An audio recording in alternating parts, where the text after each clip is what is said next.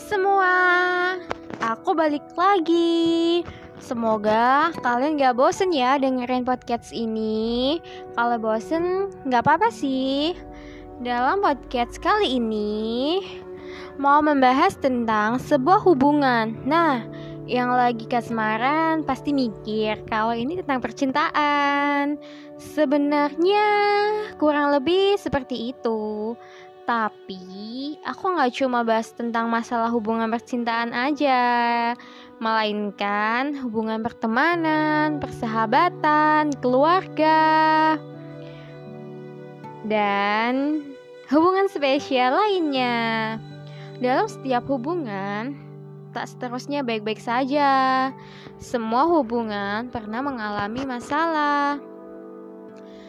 Tidak seorang pun dapat memahami apa yang kita rasakan, termasuk permasalahan dalam sebuah hubungan.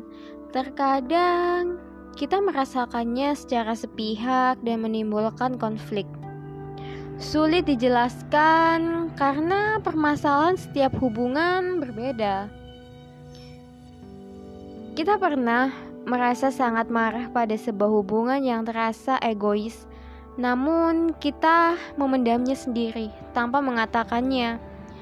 Saat kita merasa sudah tak saling cocok, kita mengutarakannya dan timbul konflik berkelanjutan.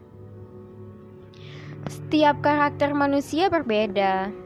Kita diharuskan untuk memahami itu karena kita manusia, makhluk sosial, di mana ada seorang tokoh yang harus selalu mengalah Meski berulang kali terluka, itu semua dilakukan demi mempertahankan sebuah hubungan.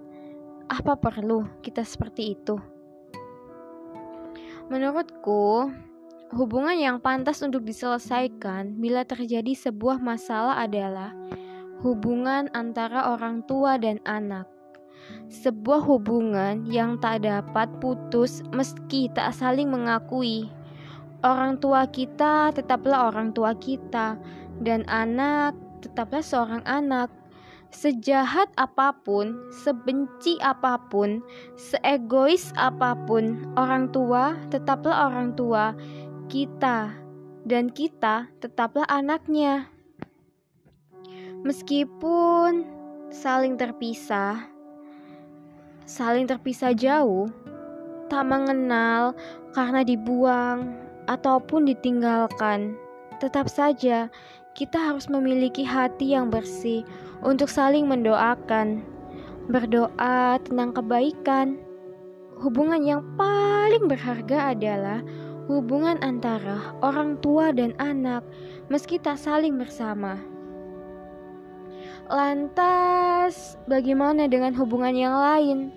Persaudaraan tetaplah saling bersama, biar bagaimanapun kita mempunyai garis keturunan yang sama, meski tak saling menyukai. Hubungan lain dengan orang yang tak terikat satu darah pada kita bagaimana? Tinggalkan dan akhiri bila dirasa begitu menyakiti diri. Mereka hanyalah racun dan bukan siapa-siapa yang perlu dipertahankan lebih lanjut lagi. Sekalipun sahabat, kekasih, ataupun tetangga, berlaku juga pada rekan kerja.